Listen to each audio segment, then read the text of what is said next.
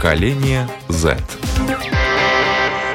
Здравствуйте, с вами Марина Талапина, режиссер программы Даниэль Йофф. И спасибо большое, что подписываетесь на нас, что смотрите нас, что кликаете, лайкаете, пишите нам, предлагаете свои темы. Я напоминаю, что подкасты программы «Поколение Z» можно смотреть практически на всех платформах, включая Spotify, Google и Apple Podcast. Ну и, конечно, нас можно слушать и смотреть на нашем родном сайте lr4.lv, ну и на YouTube. Ну и э, сегодня программа «Исключение». Тема ребятам предложила я. Я э, нашла одно интересное исследование, которое касается поколения Z, э, мифы о поколении Z. И сегодня я предложила ребятам или опровергнуть, или подтвердить эти мифы.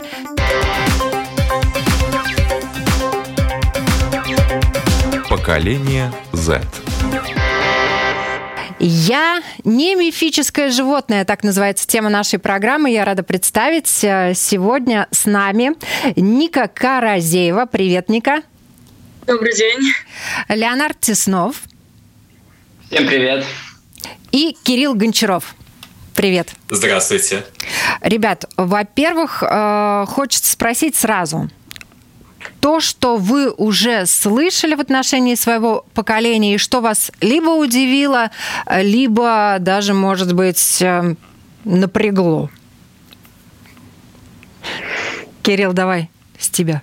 А, мне кажется, вот что меня больше всего напрягает, это каждый раз, когда я слышу все ассоциации со словом «снежинки», именно относительно всего поколения, то есть все поколение снежинок.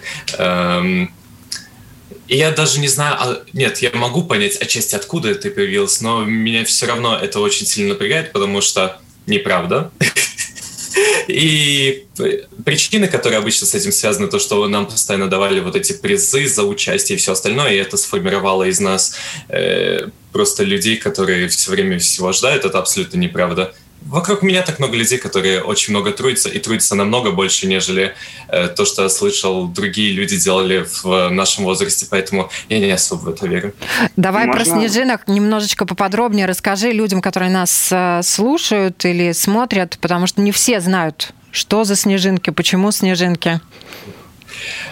Скорее всего, отчасти ассоциативно именно снежинка, потому что если ее слегка нагреть, она растает и именно в контексте человека. Ну, то есть мягкие люди ничего не могут. Э, и слегка перетрудиться, ой, все, я все буду бросать, потому что я не могу так много работать. Ну, бред бредом. Леонард, тебе слово. Um, я впервые слышу про то, что нас зовут снежинками, uh, но я наслышан я слышал что-то по типу, что мы, в отличие от предыдущего поколения, интересуемся политикой, сегодня как раз утром я читал статью, что мы интересуемся политикой и участвуем в ней только не так, как обычно принято, и нам не нравится классическая политика, которая, которая сейчас э, волнуется поколение X и Y, кажется, так, если я не ошибаюсь уже. Uh, еще какие мифы? Ну, то, что мы не можем жить без uh, интернета. Но это это не миф, это, по-моему, правда. Ника, давай, миф, который тебя задел, удивил, а может быть, ну, меня... противоречия какие-то вызвал? Меня очень сильно задевает, э, задевают слова моей бабушки, которая говорит, что мы все потерянное поколение, мы ничего не можем, вот война начнется, все, мы просто закроемся дома с телефоном, будем плакать. Вот. И я тоже слышала о том, что нас ничего не интересует. То есть, допустим, раньше люди там не уткнулись, э, не утыкали свои телефоны, они смотрели на других людей, то есть э, была такая как бы психология как бы наблюдения, а сейчас такого нет, и нас вообще ни, ничего не интересует, кроме вот того, что происходит в интернете. Но я считаю, что это неправда, потому что наоборот сейчас люди у них есть возможность больше развивать свой кругозор. Ну, также я еще нас, э, слышал от э, в, интернете часто мифы по поводу того, что мы мало социализируемся со сверстниками и редко общаемся. Мол, в, в наши годы родители постоянно гуляли с кем-то, общались, а мы сейчас сидим, уперся, уперлись в экраны и ни с кем не общаемся. Я могу сразу сказать то, что это неправда, потому что разница в том, что мы, общ... мы, мы общаемся даже чаще, потому что мы постоянно на связи, и мы для общения используем телефон и переписку. А наши родители, им приходилось выходить на улицу, и время общения было достаточно ограничено. Ты так сказал, им приходилось, они были вынуждены выходить на улицы и общаться. Ну, давайте разбираться вообще эти мифы. Вот э, часть, э, некоторые из которых вы уже обозначили, есть и в моей подборке. Ученые активно очень вас исследуют, вы действительно очень интересны. Конечно, э, нас всех поделили на поколения, и это такое условное деление. Есть люди и в 40-45 лет продвинутые во всех отношениях, очень интересные и молодежи, и пожилым людям. И есть люди э, молодые, которые мало чем интересуются. Я думаю, тут э, спорить не о чем, но ученые очень активные и с интересом исследуют вас, потому что, в принципе, вы э, родились уже в эпоху интернета, в вашей жизни есть все с годовалого возраста, и телефоны, и планшеты, и компьютеры, да, и уже оскомину набило это выражение, рожденный с мышкой в руках, да, но на самом деле так и есть. И э, как это повлияло на ваше э, развитие вообще, как вы мыслите? Давайте первый миф. Поколение Z. А, поколение Z отличает многозадачность, утверждают э, ученые. Вообще многозадачность э, ну, отличала раньше женщин от мужчин, потому что женщины там, в достаточно короткое время могли несколько дел делать э, в одно время, а молодое поколение вот приписывают многозадачность всем, и ребятам, и э, девчатам. Вот, ну, как вы на это смотрите? Так ли это? Можете ли вы э, несколько дел делать одновременно? Одновременно. Мне очень сложно это сказать, потому что я привык э, обычно у меня есть куча дел, которые должен сделать одновременно, но я стараюсь фокусироваться все же на одном деле. И мне кажется, это как что-то естественное, я не могу сказать. Я не могу сказать, миф это или правда. Возможно, просто дело в том, что я не работал э, с другими поколениями так тесно, чтобы понять, правда это или нет. Кирилл. Да, в моем случае это абсолютно правда, потому что, честно сказать, мне даже как будто бы сложно фокусироваться, когда я делаю только одно дело. И, предположим, параллельно, э, если у меня уже были такие случаи, я могу, например, писать э, какую-нибудь работу для университета, и параллельно я буду слушать подкаст, потому что мне нужно задействовать э, вот восприятие звука отдельно от своих мыслей.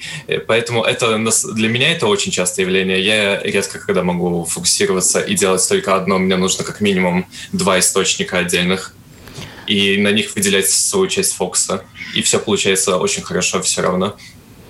Ника. Я тоже максимально согласна с Кириллом. У меня тоже, если я что-то там в компьютере, какую-то работу должна делать, мне обязательно должна поставить научный ролик какой-нибудь, что-то, чтобы максимально продуктивно время проводить. Короче, вы все Юлии Цезари и слушаете, и пишете, и думаете, и на вопросы отвечаете, да? Я я сейчас правильно понимаю, то, что одновременно работать, слушать музыку и отвечать на сообщения, это ненормально. Это многозадачность. Это то, например, Юлию Цезарю приписывали эти свойства и считали его уникальным. Он мог писать, э, читать и разговаривать э, в одно и то же время, в один и тот же момент времени, да. А сейчас у нас, в принципе, этими навыками а, а, овладели практически все, вот вы вынуждены овладевать. Конечно, взрослые многие тоже в силу разных обстоятельств могут и слушать, и смотреть, и разговаривать, да. Вопрос, конечно, конечно, КПД, но вот я считаю, что этот миф еще надо поглубже, наверное, ученым э, изучать. Давайте второй миф. Поколение Z. Многозадачность, да. Вы все такие многозадачные. А, у современных подростков проблема с удержанием внимания. Опаньки. Это правда, абсолютно. Да? Ну-ка.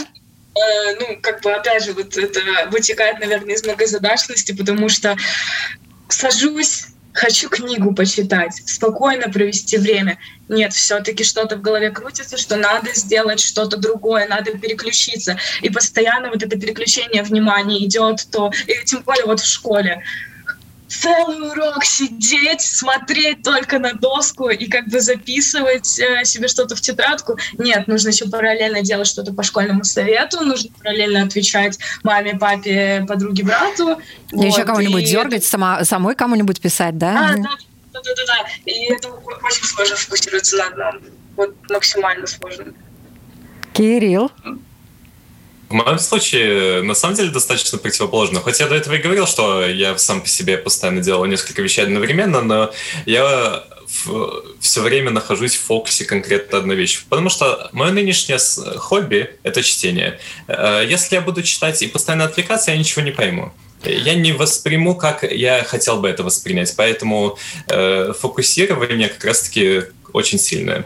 Вот я сейчас хочу вообще узнать, Кирилл, ты исключение из правил, э, исключение из поколения Z, потому что вот э, книга – это один из тех подарков, которые говорят э, молодым ребятам дарить не надо.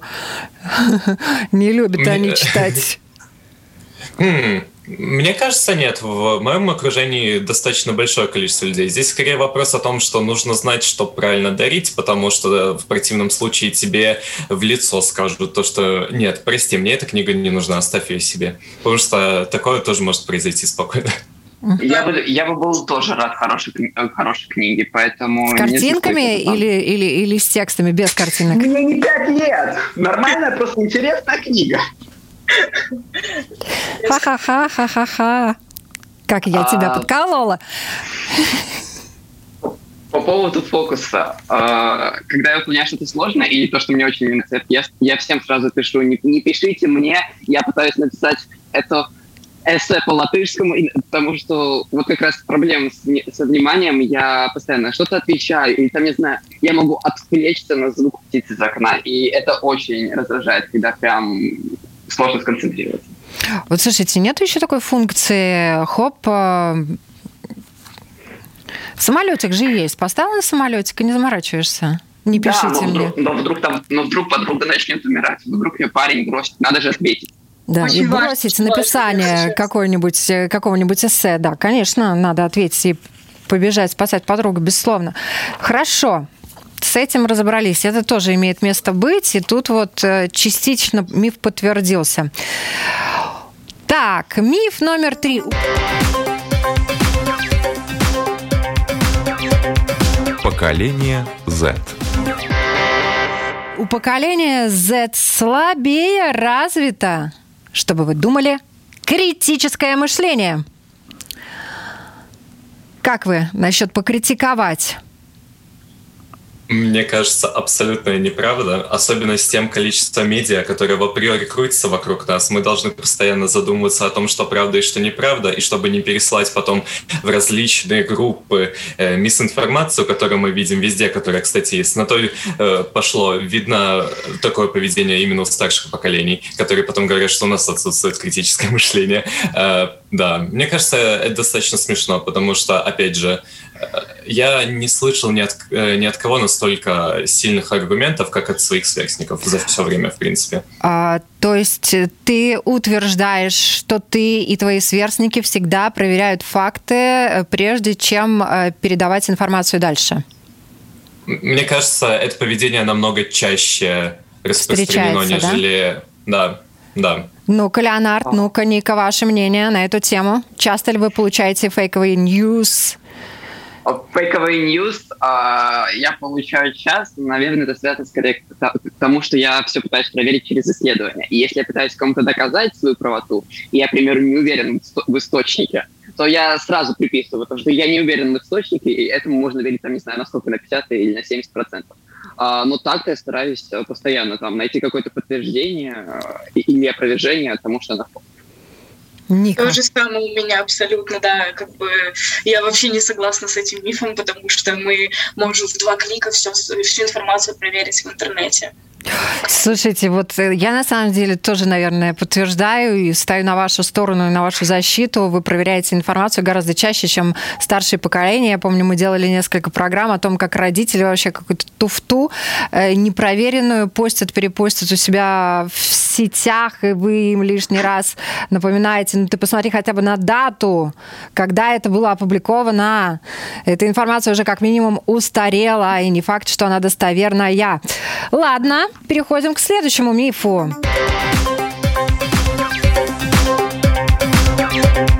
Поколение Z. Современные подростки особенно депрессивные и тревожные. Да?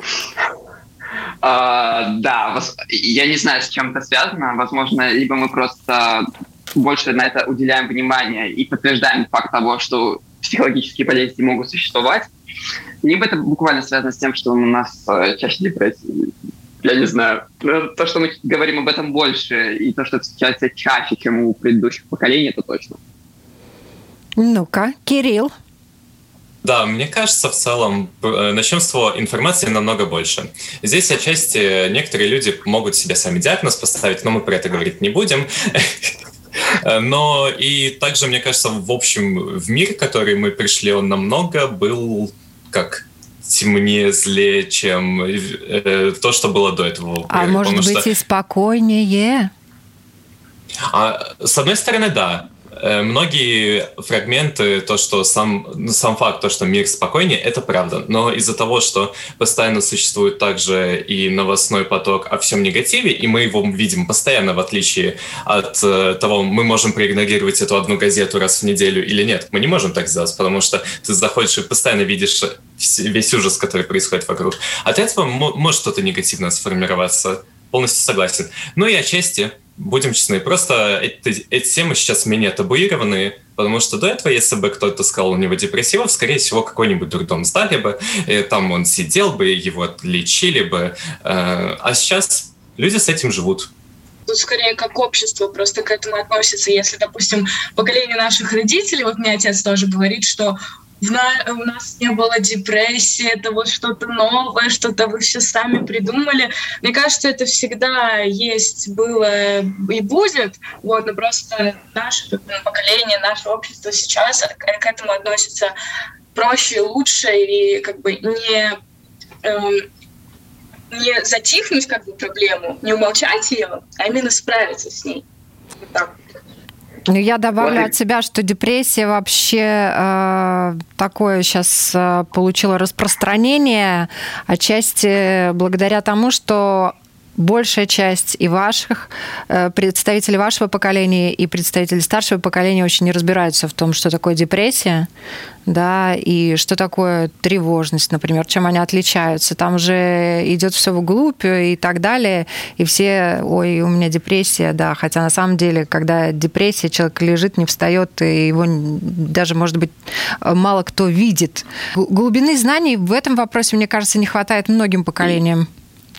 Также хотел добавить, что предыдущее поколение не, со... не делали песни про депрессию. И как, же не... и как же депрессия не может начаться, если мы знаем, то, что наша планета умирает? Ох, да. И мы не можем ничего поделать. Ну, на наш век хватит, и на ваш век хватит, и на ваш век ваших детей должно хватить. Нет, разве? Зачем же сразу в депрессию? Надо что-то делать для того, чтобы спасти планету. Время же еще есть. Вообще касается то, что депрессии и тревожности, рост доли людей с психологическими расстройствами, он характерен сегодня не только для подростков. Я вас, наверное, обрадую, да? Вот. Так что психологические расстройства наблюдаются у всех поколений. Но будем надеяться, вашим поколениям удастся с этим справиться, найти какие-нибудь пилюли, которые будут спасать человечество от тревожности лишней и депрессии. Так, миф номер пять. Поколение Z. Поколение Z лучше взрослых владеет современными информационными технологиями. Абсолютно дело. Да? Уверены? Да, это даже, мне кажется, подвергать сомнению не надо. Но мы же родились в этом мире уже сразу с интернетом. Мы с самого детства, с самого часто помогаете, да, в телефоне разобраться, песенку найти. Я я с двух или трех лет, я сейчас не помню, э, пользуюсь компьютером. Я еще, я шке сидел и уже, а уже, и уже играл в игрушки в компьютере. Угу. И бабушку научил играть? Ну, да. Я и ТикТок качал. Дорогого стоит. Кирилл. Ну вот, в принципе, да, абсолютно с этим согласен, то, что информационные технологии — это все же наша сила. Отчасти, опять же, возвращаясь и к тому, что мы говорили про критическое мышление, потому что социальные сети тоже в это входят, и просто к восприятию и скорости адаптации к новым вещам, потому что мы увидим что-то, ой, через три минуты уже поймем, как это работает, и потом будем всей семье это устанавливать. На самом деле действительно так и есть. Данные исследования говорят о том, что цифровая компетентность или способность эффективно выбирать информационные технологии и готовность э, к такой деятельности развита примерно у одинаковой доли школьников, родителей и учителей. Так что да, в этом отношении, если школьник может прийти и рассказать э, учителю, что ему надо делать, ну, то все на равных. Ладно, Идем дальше. Миф развеяли. Это есть правда, уважаемые слушатели. Смиритесь с этим и обращайтесь за советом, на самом деле, к э, братьям и сестрам меньшим. В прямом смысле этого слова. Так, миф э, 6. Поколение Z. Современные подростки меньше общаются со сверстниками. Надо добавить поправочку, меньше общаемся вживую. Меньше общаетесь да, вживую. Не согласна, не согласна. Мне наоборот кажется, что больше мы как бы и вживую общаемся, и в интернете общаемся. То есть у нас постоянно происходит какое-то общение. Но тоже от людей, конечно, зависит, это все индивидуально. Вот, но у моего круга общения так. Да. Дело в том, дело в том, что ну, вживую как а, то, что мы можем постоянно общаться с друзьями, и в принципе большую часть времени мы проводим в телефоне именно общаясь с кем-то, а, а не просто серфя интернет. А, а вот по поводу вживую, ну тут, наверное, Ника права, это скорее зависит от круга общения. Я не могу то, что я вижусь с друзьями так же часто, как мои родители. Да, мне кажется, здесь очень сильно все зависит от самой дефиниции общения, потому что если мы говорим просто э, какой-либо контакт с человеком, я думаю, наоборот, намного больше, потому что, в принципе, многие 24 на 7 это делают. Э, если вживую, э, то тогда часть меньше, понятное дело. Я, например, больше, потому что я не знаю, мне кажется, я уже к 14 годам просто устал от э, постоянной переписки, слишком много эндорфина. Э, мне нужно находиться в своем пространстве постоянно, поэтому только вживую. И из-за этого достаточно часто. Ну, на самом деле, действительно, достоверных данных нет о том, что подростки меньше, чем э, раньше люди общаются с ровесниками, да, и вот то, о чем вы сказали, общаться офлайн и онлайн, это все равно общаться, да, и э, тут вживую или не вживую тоже странно, да. В один и тот же момент времени люди друг другу пишут, люди друг другу посылают э, голосовые сообщения, да, и они слышат друг друга, они реагируют друг на друга, эмоджи посылают и так далее. То есть, в принципе, это просто другая форма общения, но это тоже здесь и сейчас, и процентуально, возможно, даже и больше, особенно когда в 2-3 часа люди переписываются. Раньше такого не было. Никто в час ночи не писал может быть, звонил. А раньше еще там же письмо написали, и только утром там на почту пошли э, с ямщиком и отправили, правильно? Так что еще тут э, поколения друг с другом могут посоревноваться. Миф номер семь.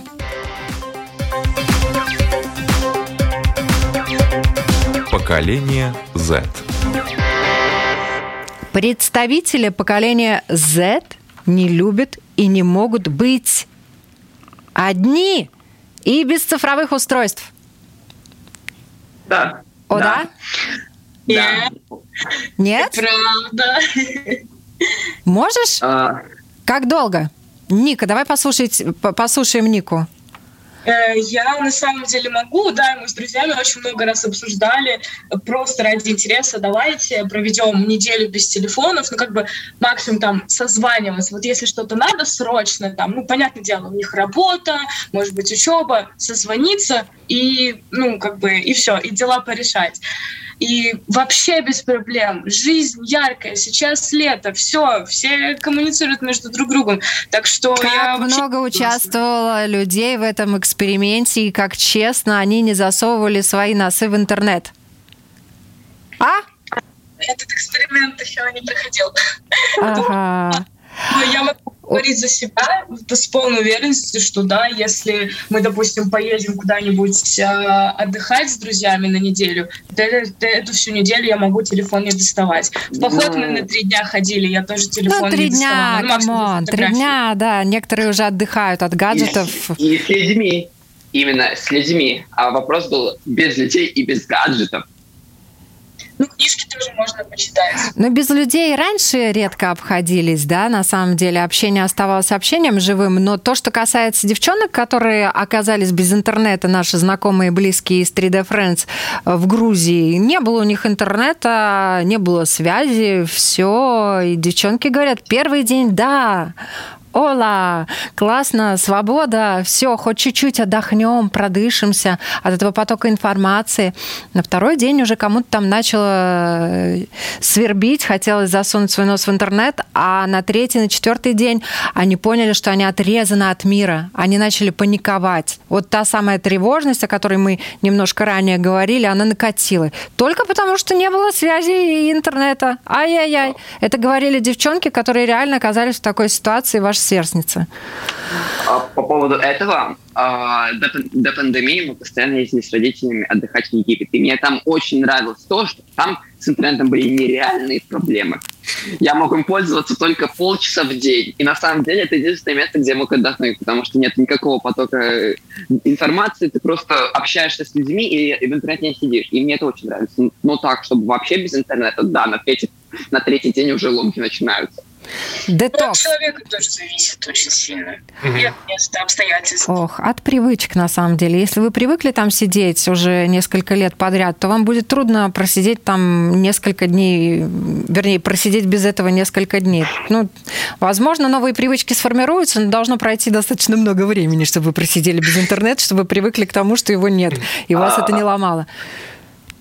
Я пробовал делать что-то по типу digital detox. Это когда э, определенный период времени э, пытаешься прожить без гаджетов. Это достаточно. Мне хватало на 14 часов. А вот тут э, на самом деле не наблюдается различий между людьми разных возрастных э, групп в способности переносить одиночество без смартфонов. На это подсели не только вы, ну, вас на это посадили, на самом деле. Вы вообще здесь жертвы, я считаю.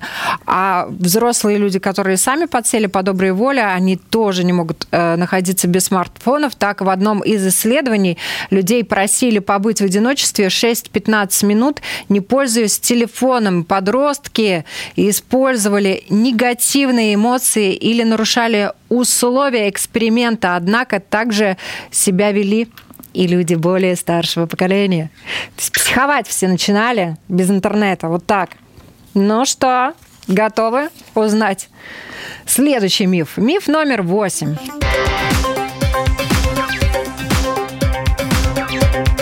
Поколение Z. Особенность поколения Z. Ярко выраженный индивидуализм.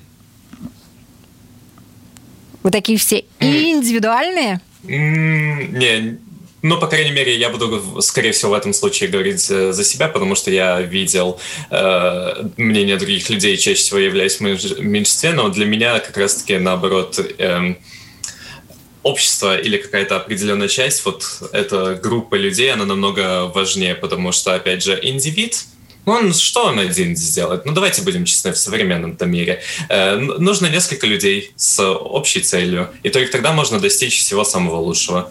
И, в принципе, да, это распространяется на многие сферы, потому что даже если пос- посмотрим на академическую сторону, да, там дол- должна быть сильная конкуренция, но лично я уже давно конкуренции не вижу, люди помогают друг другу, когда могут, и для того, чтобы все в итоге получили хорошие результаты. Потому что что в конце по крайней мере, для меня важно, чтобы вокруг меня находились люди, которые мне нравятся. А если у них какая-то проблема есть, я, я, я им с радостью помогу. Леонард. По-моему, в этом плане индивидуализм – это скорее не как эгоизм, не то, что ты самый главный, а то, что пытаемся выглядеть все как-то чтобы мы все были не идентичными, чтобы кто-то, э, каждый хочет выделяться и так далее. Ну, по-моему, да, такое есть. По-моему, э, почти все пытаются выглядеть э, как-то интересно и не быть почти, почти все пытаются не носить худи, да, с капюшонами и кроссовки не будем называть модели, да. Почти да, все. А потом, а потом одеваются все как, как один как один тиктокер. Ну-ка. Ника Я на самом пальчик. деле немного не согласна. Опять же, это все очень индивидуально и зависит от самих людей. Но у нас есть такая мода на индивидуальность, потому что сейчас это просто банально делать проще, потому что меньше осуждения.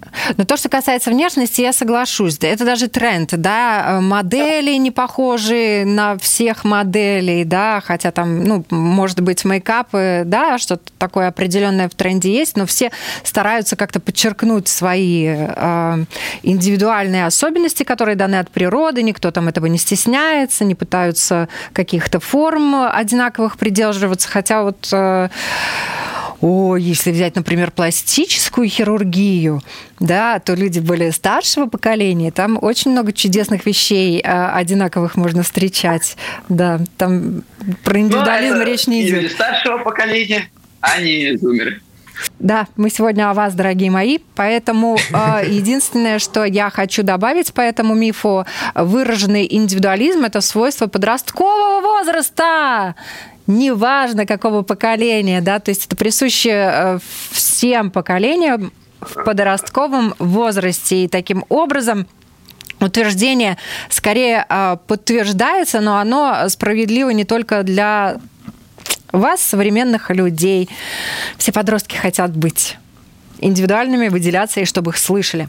Итак, миф номер девять.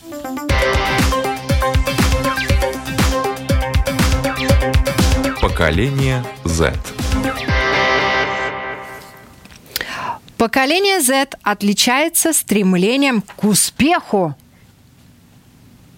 Вы все хотите достичь успеха? Да. Да? Вы еще не разочаровались в жизни просто. Но кто не хочет много денег? И хорошей работы быть. И... А что для вас успех? Много денег, да? Известность, популярность, чтобы много было аудитории, много людей, которые на тебя смотрели и восхищались. В ТикТоке, в ТикТоке, в ТикТок, в ТикТоке я могу говорить как бы за себя в этом вопросе, но... А я могу тебе подсказывать, да? Ну, да, э, есть такое, что каждый сейчас хочет... Э, вот Моргенштерн стал популярным с самых низов. Вот я тоже так могу. Но на самом деле в этом отношении очень легко сейчас, э, зная некоторые вещи и алгоритмы, получить популярность у большой аудитории, да? получить такой, ну, обратную связь от большого количества людей из разных стран и так далее. Согласны с этим? Да, в этом, в этом да. плане сейчас это намного проще, чем раньше, потому что фидбэк можно получить просто за 10 секунд от истории в Инстаграме. Я хочу Кирилла Одна спросить. И, да. и уже миллионерша. Вот так. вопрос, что быстро можно подняться, можно э, получить вот эту вот популярность, но также быстро она как в ТикТоке, например. Ну вот это успех, но это такой однодневный успех. Вообще, что такое успех, э, Кирилл, для тебя?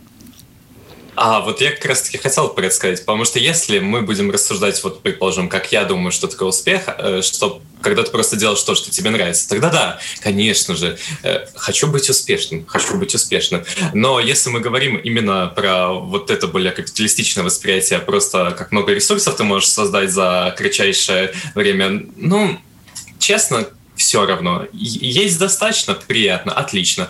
Как-никак э, После 75 тысяч, э, ну, я сейчас про статистику в США, после 75 тысяч, знаменитый факт, э, долларов в год в целом не меняется вот этот стандарт жизни и, твоя, и твоя радость относительно него. Поэтому может быть, у нас что-то похожее. По крайней мере, я воспринимаю мир именно так. Поэтому, если мы только говорим, я хочу стать миллиардером за там год, нет, спасибо, не надо. Э, э, когда мы видели то, что такое количество капитала было этическим образом создано?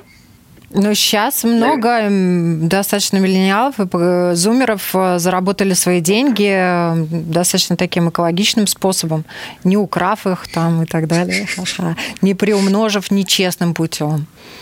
По поводу успеха, ну, для меня это скорее бы было, да, большое состояние, но дело в том, что когда денег много, как бы не все же деньги можно на себя тратить. А, прикол в том, что я бы очень много э, спонсировал какие-то э, хорошие исследования и донатил в организацию. Потому что как бы все деньги не заработаешь, крайне много денег все равно не, не улучшит жизнь до идеала и не продлят мое существование. Так почему бы не помочь людям, которым и так есть, чтобы было жизнь лучше? Давайте... Примерно у меня есть ну, но это на Пример. самом деле тоже, кстати, присуще вашему поколению по поводу donation, вот эти э, поддержка друг друга, благотворительность, э, экологичное мышление. Мы об этом, я надеюсь, еще успеем поговорить. У нас немного времени остается. А вот что такое счастье, я хотела бы вас спросить тоже для вас. Это когда успех, деньги заработали, и тогда счастье. Или это что-то Но... другое? А, для меня это, наверное, э, хорошие люди вокруг меня, то, что я не одинок, и то, что я как-то изменил мир в лучшую сторону. Ника. Ну, для меня это очень много составляющих, но в них тоже входят э, хорошие люди вокруг меня, э, душевное спокойствие, чтобы уравновешенно было, гармония. Вот, и... Гармония без гормональных бурь да? Да, да, да, это, это очень важно. Вот, ну и, а, и заниматься своим любимым делом и зарабатывать с него деньги, да. Я очень хочу много денег просто. Кирилл. Ну, мне, для меня, опять же, Скорее всего, когда я просто доволен всем тем, что происходит вокруг. Ну, вот и как раз-таки сюда падают и люди, и то, что я делаю. Когда просто вот, да, есть гармония без гормональных бурь. Вот, скорее всего, именно это является счастьем. Стремление к успеху – свойство подросткового возраста в целом. Должна вас обрадовать, да, точно так же, как индивидуализм, стремление к успеху не является уникальной особенностью представителей поколения Z. Но на самом деле, мне кажется, мы сейчас глубоко и красиво и интересно копнули, и некоторые вещи э, старшее поколение, которые услышали, я надеюсь, взяли на заметку, особенно по поводу счастья, да. Миф номер 10.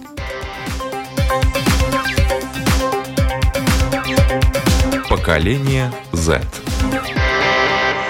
Поколение Z – гедонисты. Они стремятся к удовлетворению сиюминутных желаний и ярким впечатлениям, не оценивая риски. Мне кажется, это связано с тем, что мы подростки. Все, теперь можно списывать на это, да? Нет, просто дело в том, что у нас э, хуже развита я не помню, как называется эта часть мозга, но суть в том, что мы, э, в том, что мы хуже оцениваем риски.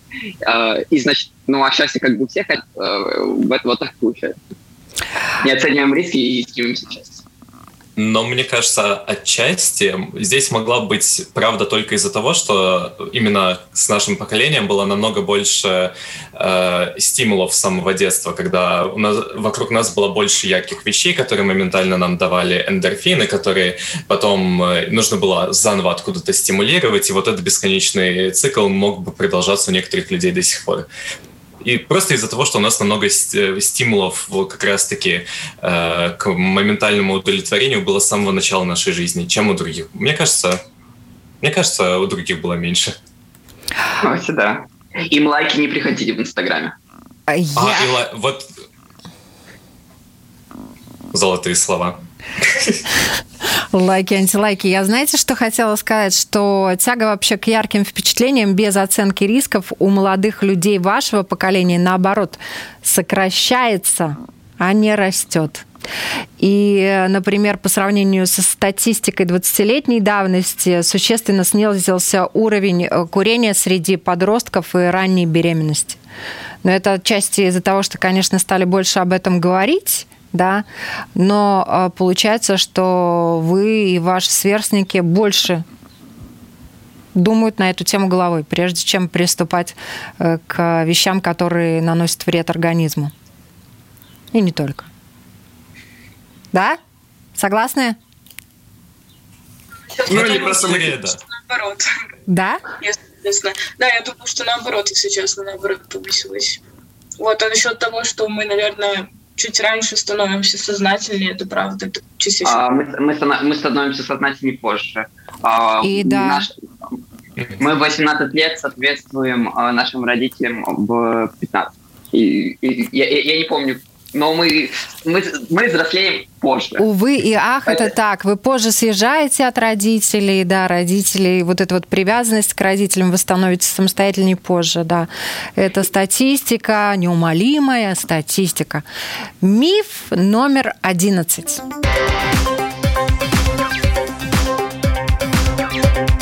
Поколение Z. Современные подростки прагматично настроены по отношению к образованию, не хотят тратить время на то, что не пригодится им в будущем. Да, правда. Честно, честно? истории. Бросил университет, стал миллионером. И много среди ваших сверстников таковых? Кто бросили универ или кто стал миллионером? И кто наслышан на этих историй? Многие хотят такими стать. Но это, наверное, такая мечта многих, да, не учиться и разбогатеть. Ну, да. Ну, мне кажется, я наоборот слышал то, что, ну, потому что, опять же, большинство тех же моих одноклассников, э, и я, понятное дело, уже в университете, то, что э, наоборот люди более мотивированы, и многие из них как раз-таки чуть ли не первые в своей семье, кто вообще идут в университет как в институцию. Поэтому, мне кажется, хоть есть вот эти примеры один на миллиард, когда вот есть этот человек бросил университет, стал миллионером, и потом, чаще всего, скорее всего, 13-летние дети фантазируют о том, э, что они хотят именно такой же об, э, образ жизни, потому что тот человек в каком-нибудь YouTube-видео просто орет без остановки.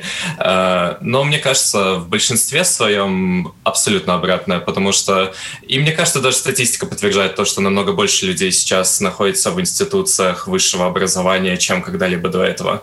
Ну, на самом деле неизвестно, более прагматичны подростки поколения Z или нет. А, на сегодняшний день пока еще у ученых недостаточно данных. Вот, это был последний миф, который мы рассмотрели. Конечно, на самом деле существует много мифов, и то, что вы обучаться любите через YouTube, например, да, и делаете это успешно, и сами там буквально через 2-3 года начинаете сами преподавать. Э, много среди ваших сверстников и наших э, ребят, знакомых у нас здесь в студии говорили о том, том, что они там 2-3 года на Ютубе э, гитар...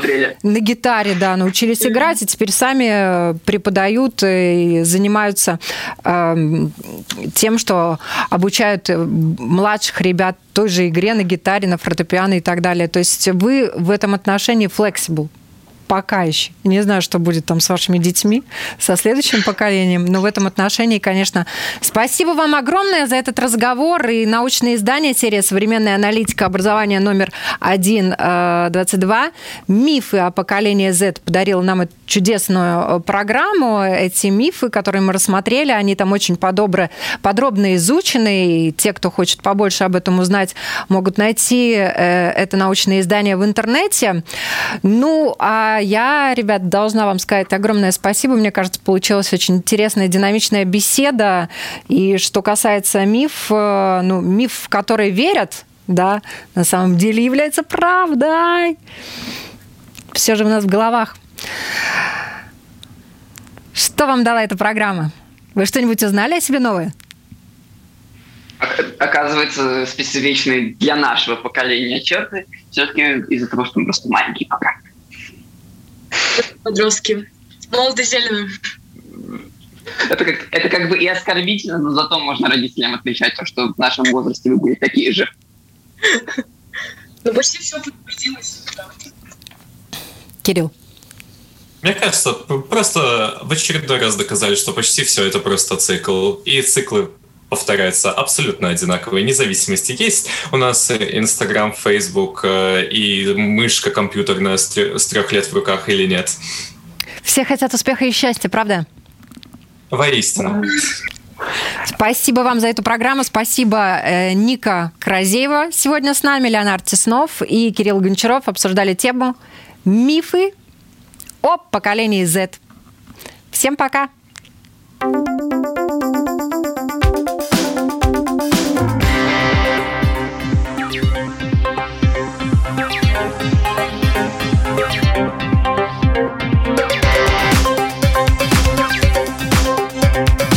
Поколение Z.